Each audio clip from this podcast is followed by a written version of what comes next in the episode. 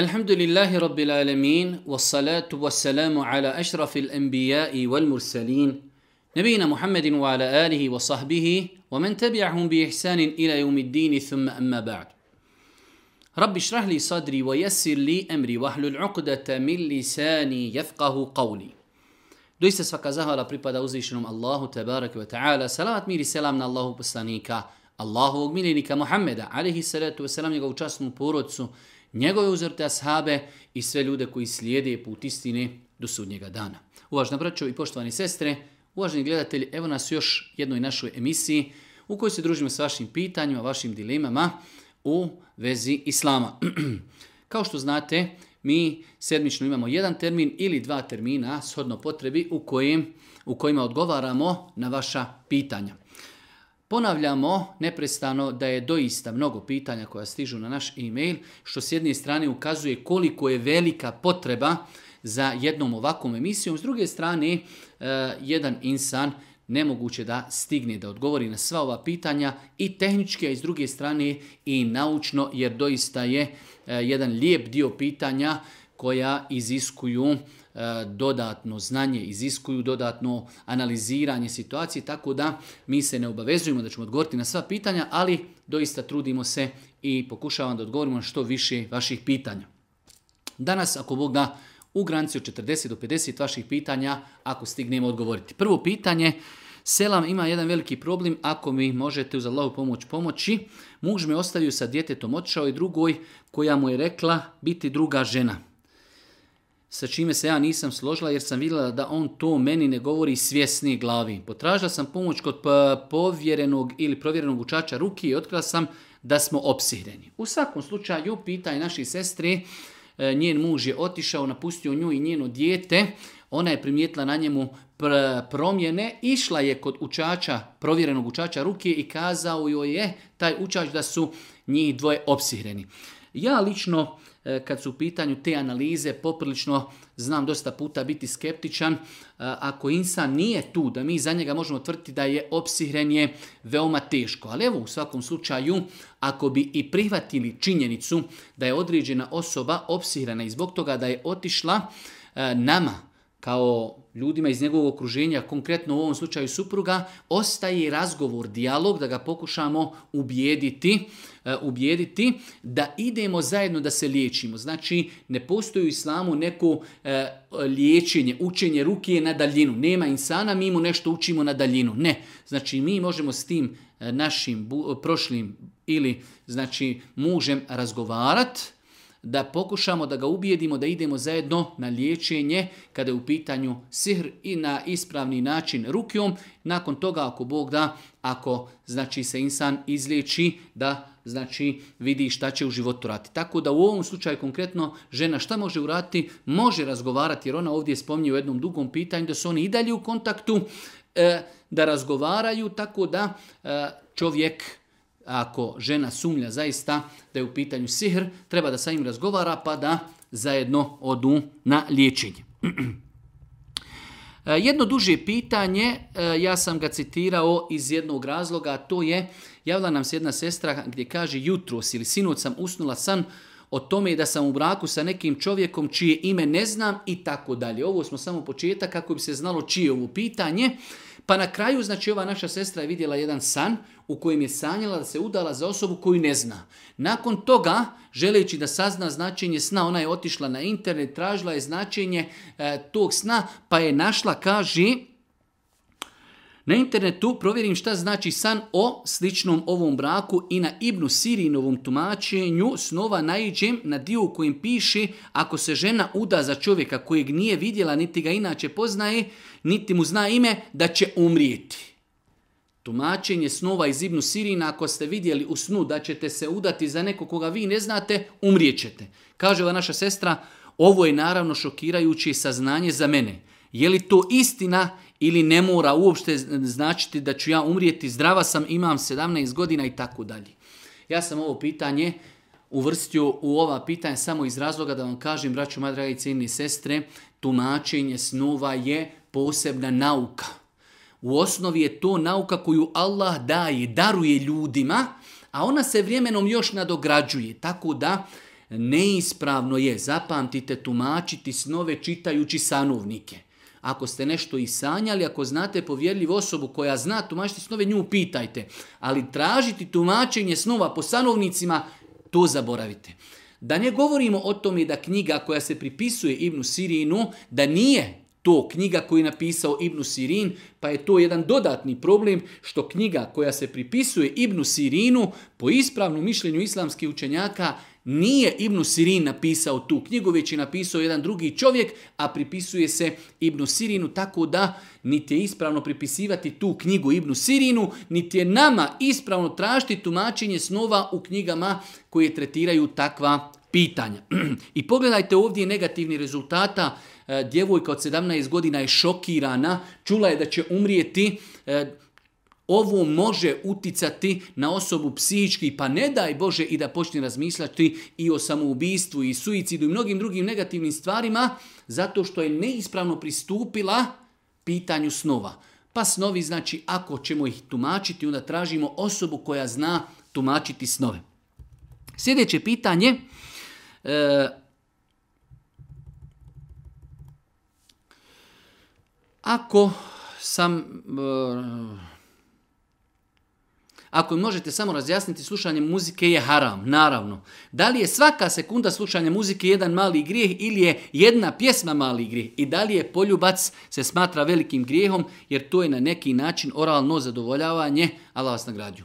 U svakom slučaju, braću moje dragi cijene sestre, sada pitanje je da li svaka sekunda muzike je grijeh ili trebamo sašati jednu cijelu pjesmu da kažemo da je to grijeh. To je nešto što mi ne možemo ocjenjivati, ali mi možemo kazati da slušanje muzike je grijeh. Sada, nije isto slušati muziku dvije sekunde i slušati muziku deset minuta, satima i danima. Tako da, e, sigurno, ono što možemo otvrditi na osnovu e, mišljenja islamskih učenjaka četiri mezeva da je slušanje muzike zabranjeno. Nije isto slušati minut i slušati deset minuta i slušati, slušati danima. Da li se smatra poljubac velikim grijehom ili ne? E, isto tako ne trebamo se mnogo umarati da bi e, odlučili da li je nešto veliki grijeh ili je mali grijeh. Nama je bitno da znamo da je to nama gospodar zabranio. Pa je došlo u vjerovostinu hadisima da je Allah poslanik Ali Selatu Esram kazao e, blud, usta je poljubac. Pa je Allahu poslanik poljubac bespravan nazvao bludom. Pa je nama dovoljno to da mi to ostavimo. Da li je poljubac veliki grijeh ili mali grijeh, to nas ne treba interes. S druge strane, kada bi rekli da je određena stvar mali grijeh, ako se određeni mali grijesi rade kontinuirano, islamski učenjaci Džumhur Leme je smatrao da osoba koja kontinuirano radi mali grijeh, taj mali grijeh prerasta u veliki grijeh. Jeste li dobro shvatili? Jeste li dobro shvatili? Džumhur, većina islamskih učenjaka je smatrala da insan ako radi mali grijeh kontinuirano, taj mali grijeh prerasta u veliki grijeh. Tako da slušanje muzike je zabranjeno, treba ga izbjegavati e, maksimalno, apsolutno. Poljubac osobe koju nemamo pravo poljubiti je zabranjena osnova hadisa Božijeg poslanika, alihi salatu wasalam. E, ne trebamo se mnogo umarati, ili to veliki ili mali grijeh, dovoljno nam je da je to zabranio Allah poslanik, alihi salatu wasalam. Da li isprava namaz ako ponavljam nekoliko puta ajet iz sure El Fatiha jer pogriješim? Meni ovakva pitanja dosta puta liči na osobu koja ima vesvisa. Pogriješiti u Fatihi. Kako pogriješiti u Fatihi? Mogu pogriješiti samo osobe koje imaju pretjerano problema sa vesvesama i došaptavanjima od šetana, pa onda pokušavaju da svaki harf izgovori, znači, e, ajde da kažemo, pretjerano se trudi da svaki harf izgovori onako kako treba. Tako da, moj savjet je osobama koje ponavljaju ajete, misli da griješi, da to apsolutno ignorišu. Ali ako bi se zaista desilo, čovjek e, učeći fatihu pogriješi u ajetu, pa ponovi ajetu, svakako da je to može biti vid obaveze, ali i dozvoljeno i ispravno. Tako da znači, ako smo sigurno pogriješili da ponovimo ajetu fatihi, potrebno je. Ali da mi ponavljamo zato što nismo sigurni jesmo li ispravno izgovorili ili nismo, to već otvara velika vrata vesvesa koja je poslije teško zatvoriti.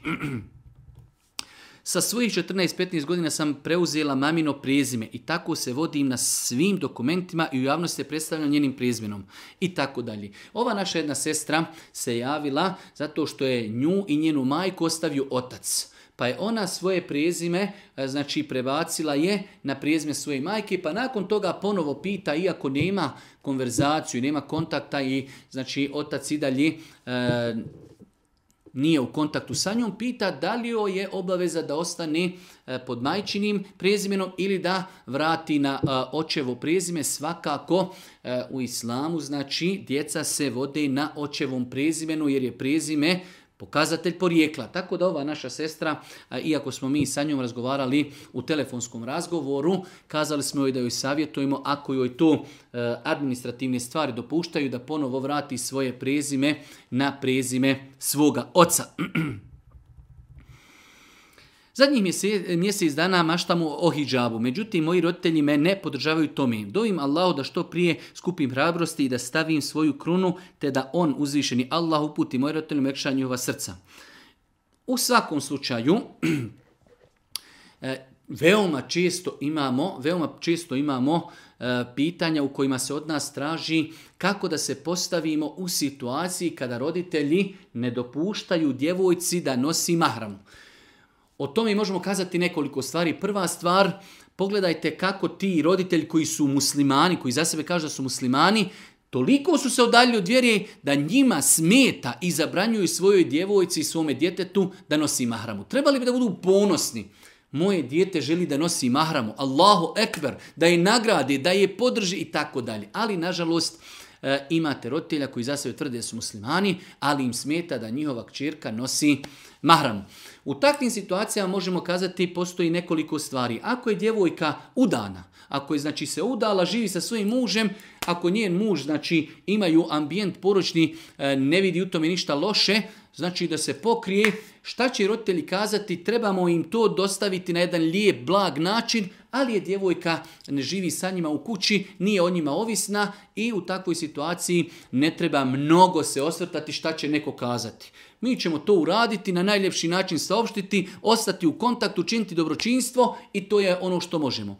Za razliku od situacije u kojoj se može desiti, generalno je pravilo da nema pokornosti ljudima u nepokornosti Allahu. Tako da onog momenta djevojka kada je punoljetna, ona treba da nosi hijab. Može se desiti da roditelji to ne dopuštaju, znači ona treba da pokuša, da razgovara, da moli, da pita i da se odluči na hijab. Osim u nekom slučaju, ako bi zaista, zaista bila prisiljena, ako bi je tukli, ako bi joj skidali hijab, znači... Allah Đelšanu zna da u toj situaciji ona je prinuđena, prisiljena, da je to prisila da ne nosi hijab. U takvoj situaciji će nositi duge suknje, duge košulje, tražit će izlaz, znači ili da se uda, ili da ode na školovanje, ili, ili pa da može mirno da nosi hijab. U svakom slučaju, generalno pravilo je, nema pokornosti stvorenjima, u nepokornosti Allahu. U ovom slučaju nema pokornosti stvorenjima kod nas traži nećeš nositi mahramu jer je to naredba uzvišnog Allah s.w.t. Ostaje taj praktični dio kako to saopštiti i kako to, ajde da kažemo, uprakticirati u svojoj porodici. E, dali smo našoj djevojčici ime Dunja. Dunja. Dunja na arapskom znači Dunjaluk. Ovaj svijet. Dunja. Našli smo značaj na arapskom i turskom da znači svijet ili dunjaluk. Mi smo muslimani, hvala Allahu, zanimam, jesmo li dužni e, prediti ime? Nisu dužni prediti ime, svi oni koji su im kažali da je obaveza da dijetu prediju ime, e, ne znam na osnovu čega su kazali da se mora e, dijetu mijenjati ime. Dunja, ako su roditelji zadovoljni sa tim imenom, nema u tome, ako Bog da, ništa loše.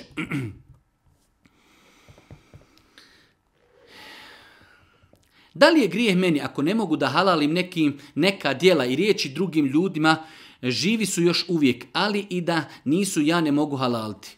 E, jedno pitanje koje se veoma često postavlja to je da ljudi kažu da li sam griješan ako nekom ne halalim. Osoba, ako su zakinuta njena prava, ima pravo da ne halali i da traži na sudnjem danu svoja prava. Ovo moramo zapamtiti. Ako je neko nekom je učinio nepravdu, taj kom je učinjena nepravda, ima pravo da traži na sudnjem danu svoja prava. Ali, kažu učinjaci, bolje je halaliti. Ali ako ne halali, nije griješan i ima potpuno pravo, jer su njegova prava zakinuta, možda e, nekada se zna zaista desiti velika nepravda ljudima i onda neko očekuje od njih da to oni halali. Imaju potpuno pravo da ne halali. Ali ako halali, bolje su postupili. Ali nisu griješni. Ovo je bitno da zapamtimo, osoba nije griješna ako je neko učinio nepravdu, ako mu ne halali. Ima pravo da potražuje svoja prava na sudnjem danu.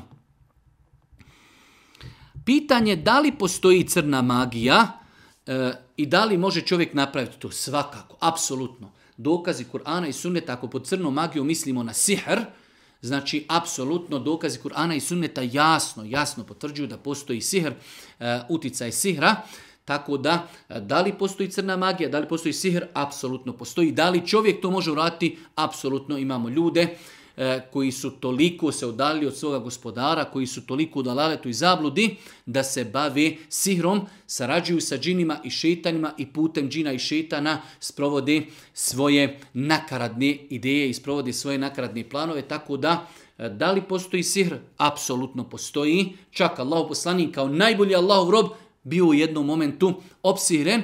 Da li ljudi mogu napraviti sihr? Mogu napraviti apsolutno. Nama muslimanima je propisano da učimo jutarnji večernji zikr kao zaštitu bismillah, dove prilikom lijeganja, dova prilikom ustajanja, dova prilikom izlaska iz kuće, dova prilikom ulaska u kuću, sve su to načini učenje Kur'ana, klanjanje namaza, zikr posle namaza, da izbacimo iz kuće sve ono što bi moglo da goni meleke, sve te stvari treba poduzeti da bi se čovjek ako Bog da sačuvao od takvih stvari. da li je dozvan farbanje kose i popravljanje zuba za vrijeme mjesečnog ciklusa?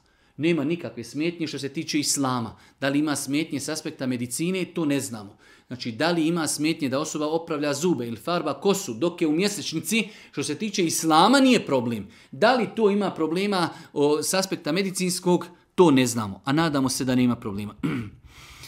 E, šeh radim u Njemačkoj, praktikujem vjeru, imam pitanje za vas. Znate kakva je Evropa? Samo Dunjaluk. Ne mogu ići na džumu, obavljati redovno na vas, pa me ja savjetujte. Čovjek kaže živi u Evropi, a znate kaže kako se živi u Evropi samo za dunjalkom, ne mogu klanjati džumu, ne mogu klanjati na poslu sve namaze. Posavjetujte me. Naš savjet je da čovjek ne smije prodati ahiret za dunjaluk.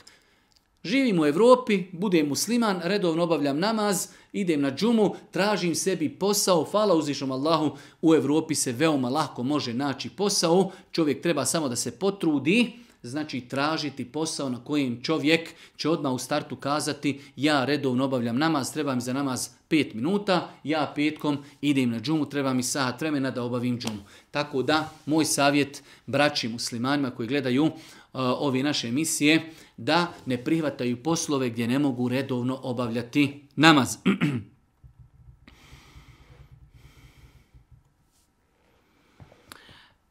Prije dvije godine razveo sam se sa suprugom sve kako ide. Po zakonu plaćam elementaciju, supruga nastavila da živi tako i ja. Prije tri mjeseca pomirili smo se supruga i ja. Zanima se, da li se opet trebamo širijatski vjenčati? Jer nismo bili haman dvije godine skupa. Pitanje, čovjek se je razveo od žene, da li sada kada se oni pomire trebaju ponovo da se vjenčaju?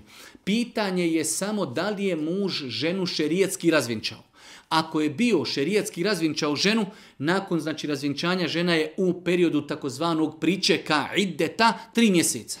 To je svakako u ovom slučaju isteklo, oni su dvije godine bili razdvojeni. Ako je znači razveo šerijatski, razveo svoju ženu i pre, prošla su tri mjeseca nakon razvećanja, oni nakon toga ako se pomire trebaju ponovo da organiziraju kompletnu proceduru vjenčanja, treba da bude saglasno staratelja, treba biti svjedoci, treba da bude, treba da bude e, znači određen mehr i sve ono što je potrebno da bi jedno vjenčanje bilo potpuno i validno. Tako da znači u ovom slučaju dvije godine oni su bili razdvojeni razdvojeni, ako su se prije toga šerijatski bili razveli, onda trebaju ponovo da se vjenčaju.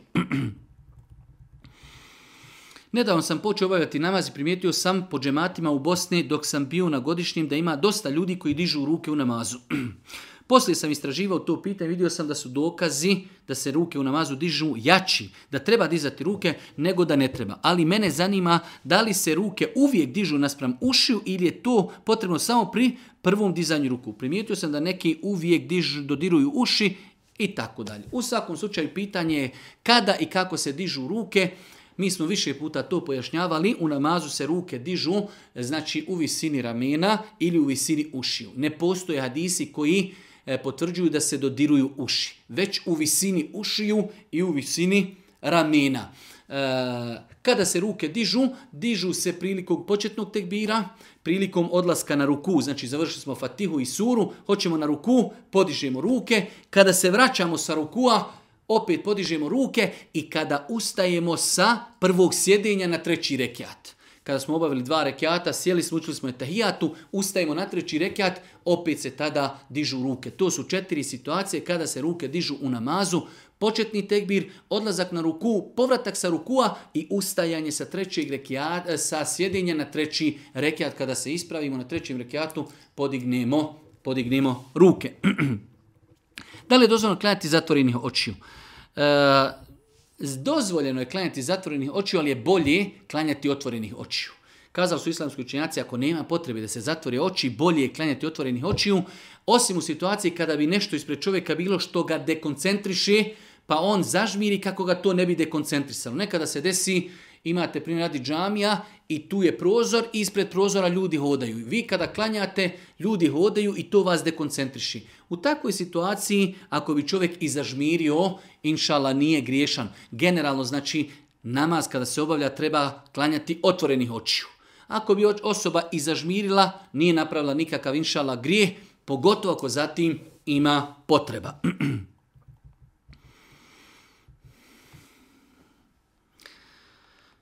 E, prilikom kupanja, da li je dozvoljno samo isprati usta ili moramo sve? Moramo kompletan abdest uzeti. Mi smo više puta pojašnjavali prilikom kupanja da imamo dvije vrste kupanja. Imamo minimalno, imamo kupanje po sunnetu. Kod minimalnog kupanja isperemo usta i nos.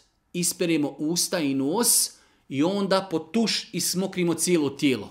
To je dovoljno. Prije toga smo nanijetili, želim da otklenim od sebe džunupluk, isperem usta, isperem nos, odem pod tuš, sav se smokrim i to je e, minimalan način kupanja. Imamo drugi način koji smo više puta pojašnjavali. Prvo se pere spolni organ i ono što je oko spolnog organa e, onečistilo se spermom i drugim tečnostima. Nakon toga se peru ruke, nakon toga se uzima potpun abdest potpun abdes do pranja nogu, pranje nogu, nakon toga perijemo glavu, nakon toga perijemo desnu stranu, nakon toga perijemo lijevu stranu i to je potpun gusul. Duži period tražim najispravniji način obavljanja vitr namaza, ali ne mogu da nađem, pa jedno duže pitanje. U svakom slučaju, rekli smo da vitr namaz to je jedno veliko poglavlje, o tome učenjaci knjige pišu vitr namaz, ono što je kod nas klasično i standardno, da se vitr namaz klanja tri rekiata. Vitr namaz se može klanjati jedan rekiat, tri, pet, sedam, devet, znači jedanaest E, neparni brojevi, znači do 11 mogu se vitr klanjati. Ono što je, ajde da kažemo, klasično i najstandardnije tri rekiata, e, klanjamo, možemo klanjati na dva načina. Ili klanjamo dva rekiata, pa sjednemo i proučimo etehijatu. Proučimo etehijatu, kompletno predamo selam, ustajemo na treći rekiat, donosimo početni tekbir, još jedan rekiat i predajemo selam. To je znači jedan način da smo nakon dva rekiata predali selam. Imamo drugi način, a to je da odjednom tri rekiata, prvi, drugi, treći, nakon toga učimo etehijatu i nakon toga predajemo selam. Znači, ako ćemo klanjati vitr, namaz, tri rekiata, imamo dvije opcije.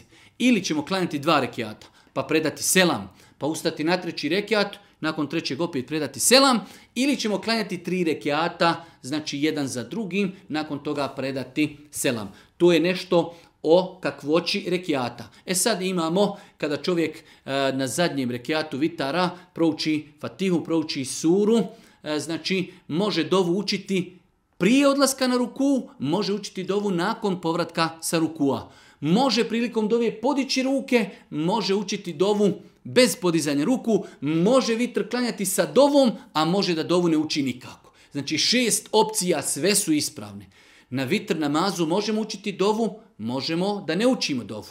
Možemo dovu učiti prije rukua i možemo učiti nakon povratka sa rukua. Možemo podići ruke prilikom dove i možemo da učimo dovu, a da ne podižimo ruke. Sve je to ako Bog da ispravno. Selam aleikum. Interesuje me tvoj stav za bezalkoholno pivo i tako dalje. U svakom slučaju pitanje ima oca koji nekada konzumirao alkohol, sada voli te bezalkoholne pive, da li mu to osporiti ili ne? Ne, nikako. Ja sam stava, znači da je bezalkoholna piva dozvoljena e, čak šta više. Bezalkoholna piva je zdrava.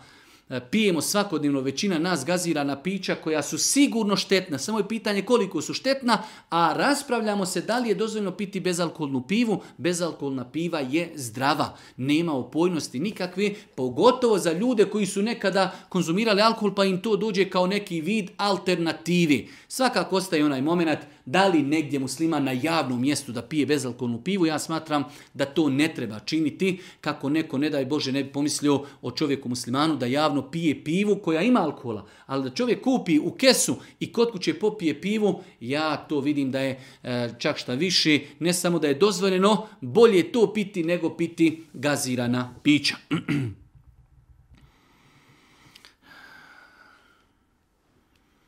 Radim jako odgovoran posao koji zahtjeva stalnu koncentraciju. Obzirom da je ljeti jacija poprilično kasno, a i ustajanje na saba je, je veoma rano, nekada ne mogu... U svakom slučaju, znam otprije ovo pitanje, naša jedna sestra ima dijete, radi odgovoran posao, pa ju je teško ustati na saba zato što je jacija kasno pa onda kada ustane na sabah, nakon toga ponovo mora ići na posao, radi težak posao. Pa je pitanje, da li može sabah klanjati kada krene na posao u 7 sati? E, nažalost, ne može, ali ono što možemo urati jeste, e, znači namaska vremena imaju vrijeme, dužinu. Pa jacija, primjer, radi, već se nakon akšava, nakon saha, tipu vremena može klanjati. Tako da osobe koji, koji imaju obavezu i žuri im se, hoće da legnu ranije spavati, pogotovo žene koji ne idu u džemat, nakon sat i po vremena, nakon jacije, može se, nakon akšama, može se klanjati ako Bog da jacija. To je prva stvar da malo pomaknemo jaciju.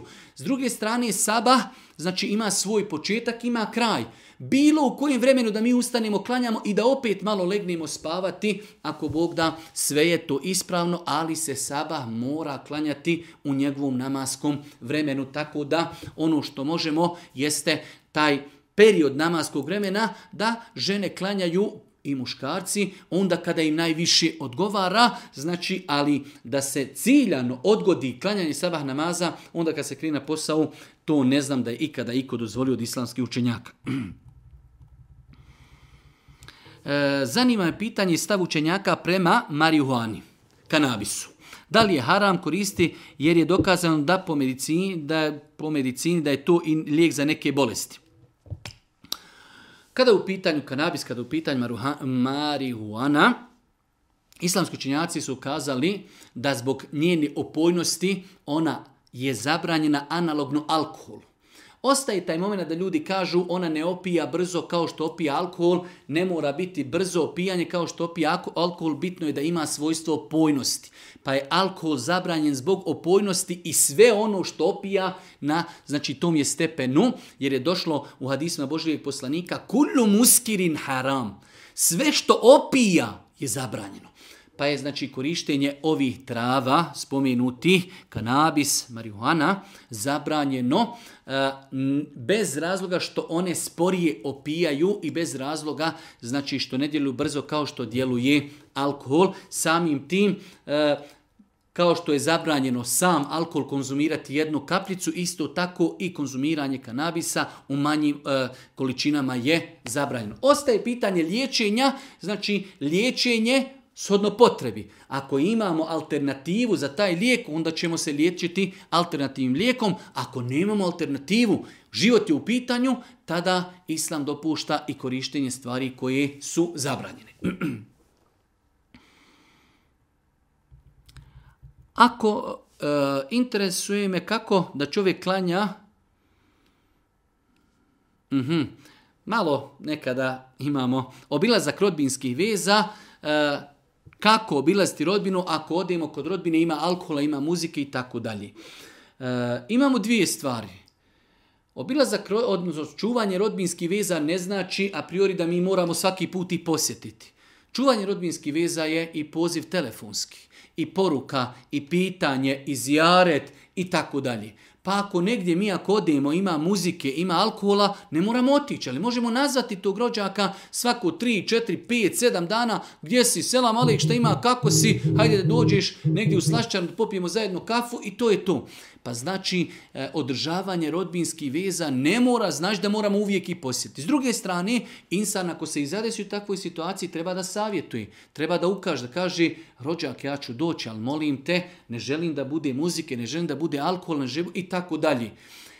Ako se i desi, treba da savjetuje i treba da ukazuje na, na to. Tako da, to je ono što čovjek može da uradi, da savjetuje, a znači isto tako da održava rodbinske veze na druge načine mimo, mimo dolaska kući.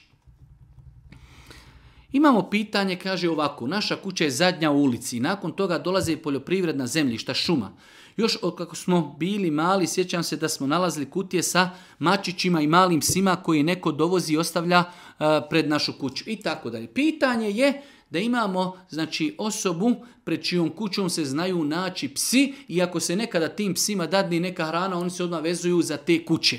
Šta uraditi u takvim slučajevima? Znači u takvim slučajevima smatram da insan nije griješan ako uzme takve te, da li kučiće, mačiće, da ju odvuče na neku drugu destinaciju, ono što kod nas ljudi znaju uraditi e, na neke deponije gdje ima hrane, gdje će te životinje ostati u životu, znači da ih odvuče, e, znači gdje nema nasilja, ponijeće sa svom hrani da te životinje mogu nešto jesti dok se, dok se ne pripitome i dok, hajde da kažemo, e, ne svati gdje se nalazi i kako, kako se preživljava, najbolje da se ostavi na neka mjesta znači gdje ima, gdje ima za njih hrane, a da neće biti nikome, da neće nikome biti na teretu. Svakako ovo je samo moj neki prijedlog, ovo nije šerijetski stav. Znači insan, ono što mi znamo da je zabrano da imamo psa, ako je neko donio psa pred našu kuću, onda to treba riješiti na način kako islam insan misli da je najbolje da riješi, da ne ugrozi ničiju sigurnost i da ne napravi nikakav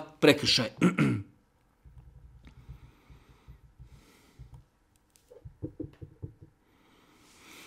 Esselamu alaikum, javljam se samo da vam kažem da nikada ne odustanete u tome što radite i tako dalje. Ovo su neke riječi podrške. Molimo Allah subhanahu ta'ala da nas učrsti na putu istini i da nikada ne posustamo u radu za njegovu vjeru.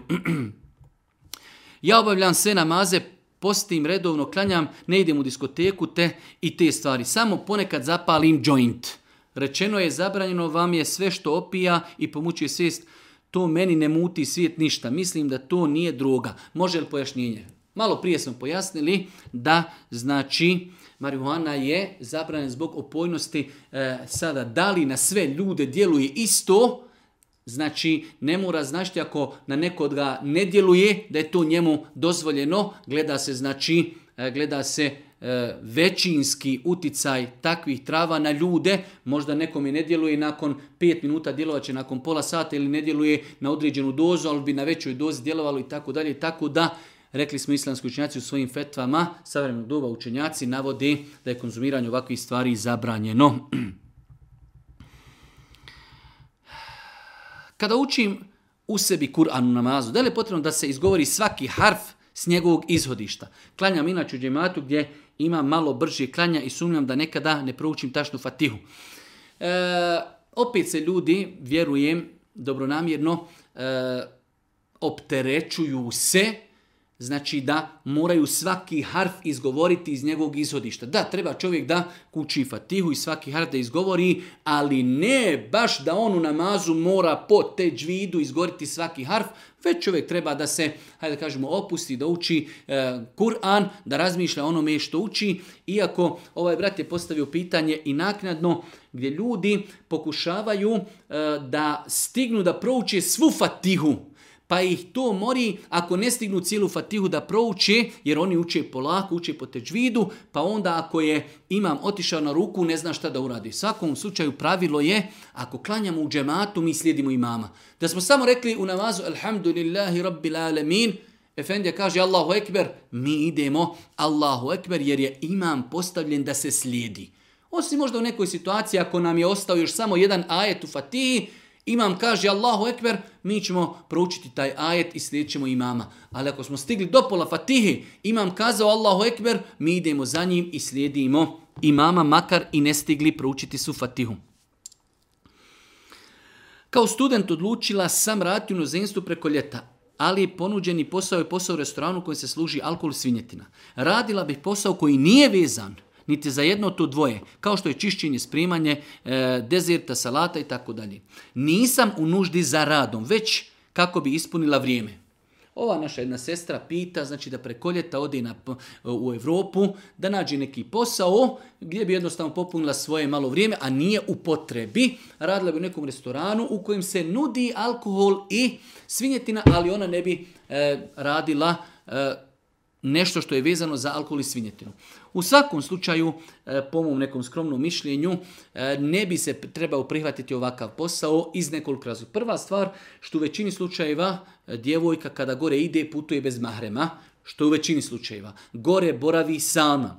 U tim restoranima u velikom broju slučajeva je miješanje između muškaraca i žena. E, isto tako, dio učenjaka je smatrao da ako u restoranu se e, konzumira i nudi alkohol i svinjeta, tu vjernik ne treba nikako raditi, makar i ne radio direktno poslove koji su vezani za to, a opet s druge strane ovdje je navedeno i nisam u potrebi.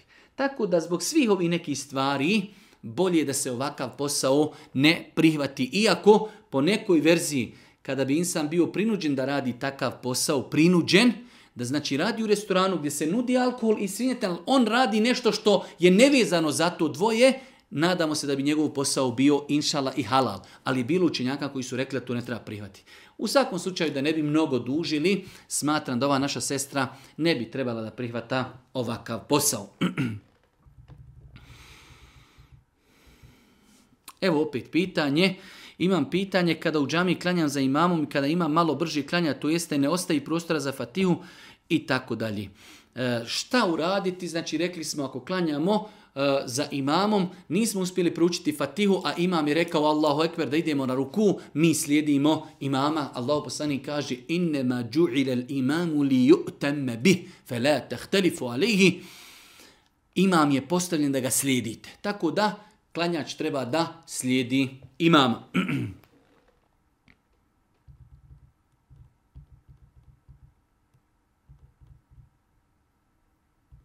Jedno veliko pitanje, dugo, E, jedna sestra navodi situaciju gdje njen muž ima dijete iz prvog braka, pa je on nakon znači određenog perioda, nakon što se oženio sa ovom sestrom, doveo je to svoje dijete, odnosno ta njegova majka ga je ostavila pa su ga doveli da živi tu kod njih. Pitanje je da li je toj ženi iz drugog braka obaveza da brine o tom djetetu.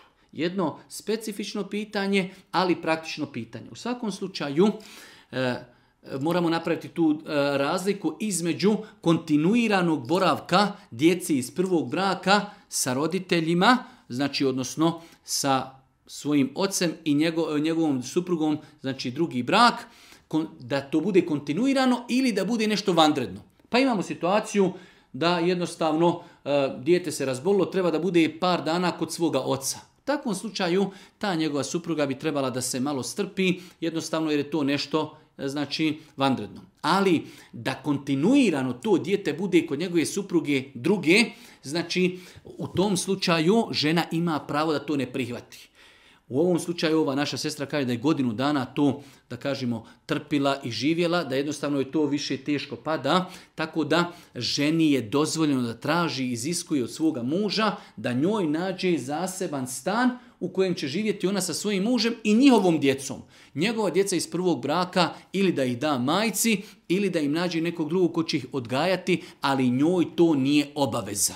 Da li će ona to privati ili ne, to je nešto drugo ali žena ima pravo znači da traži od svoga muža da žive da žive odvojeno bez ikoga iz njegove porodice.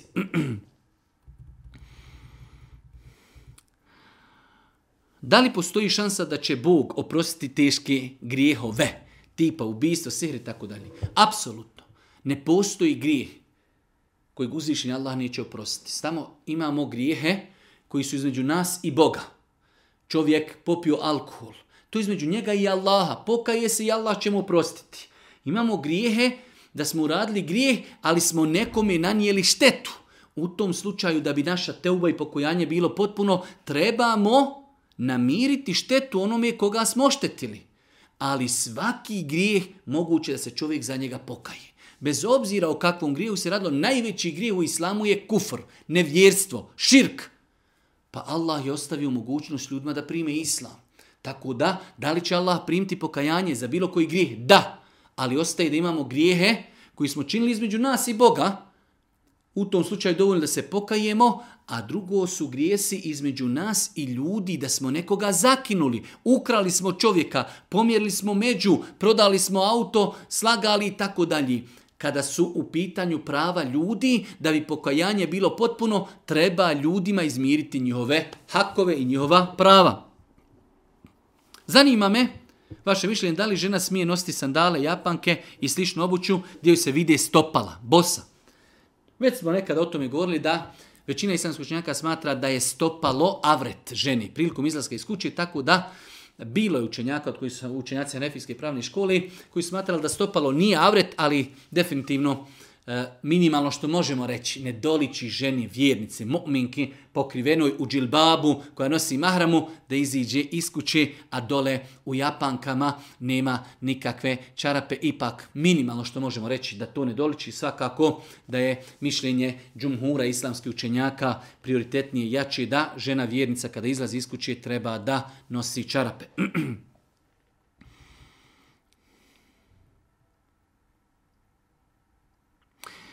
Svaku noć kada legnem učim fatihu svojim bližnjima, pa meniti su da li je to dozvan ili ne. Jednom ste se doktakli te teme, ali mi nije bilo jasno. U svakom slučaju, kontinuirano učiti fatihu, po meni, znači kad bi čovjek samo učio fatihu i nagradu te fatihe da pokloni svojim e, umrlim rođacima, inšala, nije to sporno. Ali zašto samo fatihu?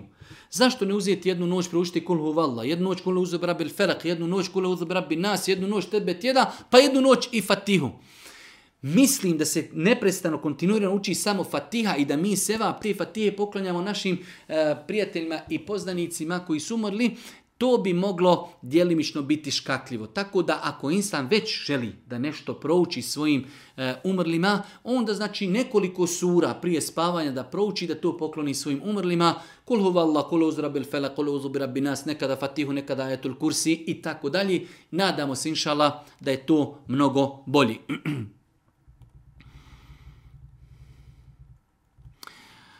E, već duži vremena se osjećam loše. Osjećam da sam pod sihrom ili sam pod urukom. Nakon toga kaži, sinoć mi došlo u snu da mi postoji sihr, e, sihr i gdje se nalazi. E, znači, pitanje je da li je dozvoljeno otići na mjesto koji smo u snu vidjeli da nam je tu postavljen sihr i da tražimo. Znači ovaj brat ili sestra kaže ima problema sa sihrom, Allah mu je dao da je u snu vidio gdje je sihr zakopan. Sad postavlja pitanje da li je dozvoljeno meni otići na to mjesto tražiti, nema inšala bi iznillahi u tome ništa smetnje da insan ode i da pokuša to što je, možda je doista Allah Đeršanu mu dao da putem snova sazna gdje je sihr, pa da ga uzme, da ga iskopa, da ga uništi, tako da nema ništa sporno da insan odi. Ako nađi našu jest, ako ne nađi, nikom ništa, ali da samo odi i da traži, ako Bog da islamsku činjaciju svojim knjigama, E, kada govori o sihru i tim stvarima spominju da nema nikakve smetnje šerijatske, da insan ode na mjesto koje u snu vidio, jer se određenim ljudima u snu pokaži gdje je sihr zakopan ili gdje je stavljen, tako da nema smetnje da se ode i da se na tom mjestu potraži sihr.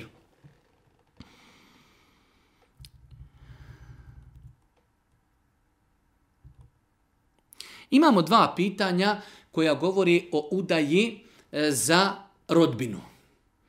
E, imamo jedno pitanje gdje jedna sestra kaže hudala je se nekom sestrom pa su spomenula to pitanje pa je ona rekla da se neki dalji rođaci mogu e, uzimati a ova druge, druga je napala pa je kazala kao sram mene bilo šta ja govorim pošto to u Bosni nije moralno i tako dalje.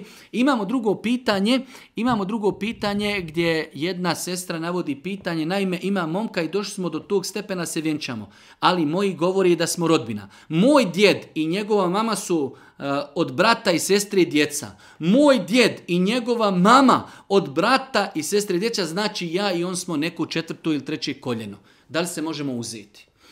Braću, moja drage cijine i sestre, veoma je bitno da naučimo sljedeću stvar. Kod nas u Bosni, da, nije rasprostrano da se ljudi iz rodbine uzimaju. I to u datom momentu treba samo poštovati. Ali, isto traku treba znati propis. Propis. Znači, u Kur'anu su nam definisane osobe s kojima ne možemo stupiti u brak. Sve mimo toga je dopušteno. E sada ostaje da to uklopimo u ambijent vremena i prostor u kojem živimo, tako da, znači evo konkretno u ovom slučaju drugom, nema nikakve smetnje osoba koja je treće i četvrto koljeno da se uzmu. Pogotovo ako su osobe, hajde da kažemo, bliske jedno drugom, shvatili su da jedno drugom odgovaraju. Zašto da se ne uzmu? Zato što je to apsolutno dozvoljno. Kod nas u Bosni i danas dan kod velikih, eh, velikog broja osoba eh, važi to neko nepisano pravilo, ne znam odakle, ako se zna da si deseto koljeno rodbina, ne smiješ se ženiti. Allahu poslanik je bio Amidžić, eh, Allahu poslanik Alija radijallahu ta'alanu je bio Amidžić Božijem poslaniku. Alija, je bio Amidžić Božijem poslaniku, pa je oženio njegovu čerku Fatimu. Znači, imamo osobe u Kur'anu koje su navedene da ih ne možemo ženiti, nakon toga, znači, dozvoljno. E sad, ima taj ambijent u Bosni da ljudi ne dozvoljavaju da se rodbina ikak uzima. Ja smatram da treba lagano ljudima o tom je govoriti.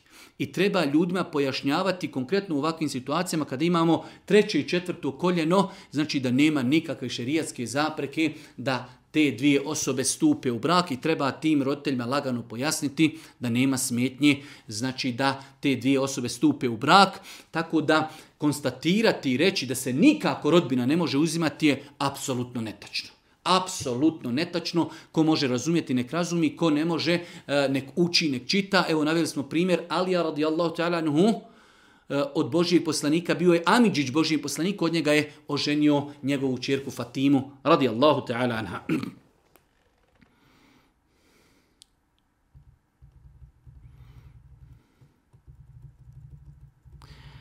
Pitanje vezano za odnos između žena, žene i muškarca koji imaju 80 godina. godina.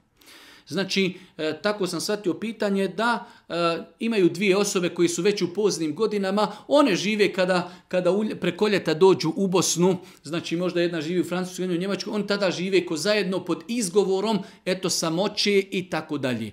Ako oni nisu u braku neispravno, bez obzira što imaju 80 godina, znači neispravno je da žive zajedno i da se osamljuju ili da ta žena pred tim čovjekom skida mahramu i tako dalje, tako da znači kao što im nije dozvoljeno da žive zajedno kada da im je 40 ili 30 godina, isto tako im nije dozvoljeno da žive zajedno bez obzira što imaju po 80 godina. Šta znači tragovi na čelu i na koljenima klanjača? Allah vas nagradio. Ovaj vrat je mašala baš želio da mu to odgovorimo. Na više adresa je poslovo pitanje. E, znak na čelu može biti pokazatelj nečije pobožnosti. Imate pogotovo kod Arapa, nekada se vidi znači, na čelu ili ovdje na sredini ili tu znači, gdje su ove kosti, vidi se kao crne mrlje kao tragovi seđdi. I može to značiti da je to pokazatelj pobožnosti te osobe. Ali isto tako ne mora značiti imate osoba čija koža je osjetljiva. To je ono što su islamski učenjaci kazali, to nije moj govor. Imate ljudi koji su osjetljivi, znači on e, kada bi klanjao jednom sedmično spustio čelo samo na seždu, imaće tu mrlju e, jednostavno jer mu je takva koža. Tako da nije a priori, znači e, vidimo čovjek ima e, mrlju na, na čelu, da to apsolutno znači pobožan. A može značiti. Tako da se time ne trebamo nešto mnogo opterećati. Ako vidimo osobu koja ima neki biljeg, mi imamo lijepo mišljenje o njemu da je to brat musliman da klanja i to je to. Može biti da on jednom sedmično klanja, a može biti da provodi dugo, dugo vremena u noćnom namazu i ostalim namazima, pa zbog toga ima te tragove na čelu, tako da se ne trebamo nešto time mnogo opterećavati. Često puta čujemo da džunup ne smije jesti, piti, hodati po kući i tako ne smije nikoga dodirnuti. Je li tačno? Nije tačno. Mi smo o tome pisali, znači džunup, insan je fizički čist. Pravno je nečist, pravno ne može klanjati. On ne može učiti Kur'an, dodirivati Kur'an, ali on može, e, žena kada je džunup, može kuhati, može se rukovati, e, može znači izići napolje ako ima neku potrebu i tako dalje. Čak žene nekada e, pitaju da li smiju nahraniti dijete dok su u džunup stanju. I te kako da smiju, nema nikakve smetnje. Znači samo su ograničenja kada u pitanju namaz ili učenje Kur'ana i obavljanje tavafa i tako dalje. Mimo toga, izići iz kući, e, raditi posao, putovati, e, rukovati se, hranu spremati, ništa nije problem znači za osobu koja je u džunupluku. Svakako da učenjaci kažu da je lijepo što prije ukloniti od sebe džunupluku, jer može nastupi namasko vrijeme, trebamo klanjati, a nismo još se okupali, ali da li je osoba nečista? Nije nečista stvarno, nečista je pravno, ne može samo namaz obavljati. Pitanje u vezi Akike, postali smo roditelji jednog dječaka u subotu na večer, u 11.30. Kada se Akika kolji? Znači, subotom na večer je žena rodila dijete, subota na večer uvijek je u islamu, znači u islamu e, se akika kolje dan prije, u smislu u sedmici, dan prije od dana kada smo mi e, dobili dijete. Šta znači? Primjer radi, ako se dijete rodilo u petak, mi koljemo akiku u četvrtak. Jer je prošlo sedam dana, petak, subota, nedjelja, ponedjeljak, utorak, srijeda, četvrtak. U četvrtak. Znači ako se rodi dijete u petak, mi koljemo akiku u četvrtak. To je sedmi dan. Ako se dijete rodilo u subotu, koljemo akiku u petak i tako dalje. Znači najlakše je pravilo odrediti kako, kako e, kada ćemo klati akiku jeste da ako se rodilo dijete utorkom, mi koljemo akiku sljedeći ponedljak. Ako se rodilo u četvrtak, koljemo akiku sljedeći u sljedeću sredu. E ovdje imamo, kaže, rodilo se dijete u subotu na večer. večer u subotu na večer, ali e, koliko ja razumijem, znači imamo dan subota, imamo na večer. Ta noć u islamu je od nedjelji. Pa je se to dijete rodilo, rodilo u nedjelju, tada ćemo mi akiku zaklati, zaklati znači u subotu. U islamu noć dolazi prvo, nakon toga nastupa dan. Pa, znači, ovdje se dijete rodilo u nedjelju, mi koljemo akiku u subotu, ako Bog da. Imamo pitanje da čovjek postavlja pitanje šta to znači, e, navodi primjer, nešto ti ne kvari abdest, ali umanjuje nagradu, nešto ti ne kvari post, ali umanjuje nagradu. Pa jednostavno, imamo stvari za koje su došli jasni dokazi da određena stvar kvari abdest. Imamo određena stvar kvari post. Mnogo toga smo u Ramazanu navodili, određena stvar, vulgarni govor, kva, e, je grijeh.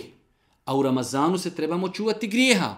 Ali to ne kvari post. Naš post kao post je validan. Ali nam to i grijeh umanjuje seva posta. Tako, pa skoro identično se može kazati za abdest. Abdest, znači kada smo uzeli da bi rekli da je određena stvar kvari abdest, moramo imati dokaz između, iz Kur'ana i Sunneta. Vulgaran Evo, slušanje muzike, da li kvari abdest? Ne kvari, ali da li je čovjek griješan što sluša e, muziku? Svakako da je griješan. Pa je slušanje muzike grijeh koji ne kvari abdest, jer nema nikakve veze s abdestom, imamo 3, 4 ili 5 stvari koje kvari abdest, mimo toga može čovjek urati neki grijeh, ali dalje je ostao pod abdestom, pa je veoma bitno napraviti razliku i badet, šta su to stvari koje kvari i badet, A mimo toga ostale stvari su grijesi koji ne utiču na, valadi, na validnost tog ibadeta. Nadam se, ako Bog da, da smo razumjeli. E, pozvan sam na jednu svadbu na kraju godine u kojoj će biti muzike, alkohola, golotinje i tako dalje. E, pravilo je podređenom broju učenjaka odazvati se na svadbu na kojoj nema grijeha da je obaveza.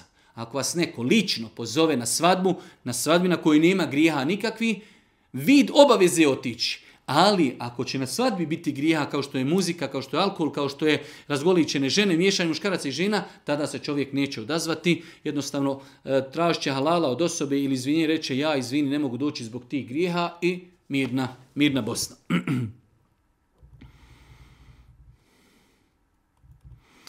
Jedno malo duže pitanje, u 14. godini života sam upoznao djevojku istih godina kao ja, bili smo u vezi, radili smo mnogo neprilišnjih stvari, bla, bla, bla, bla, bla, sad imaju 17 godina.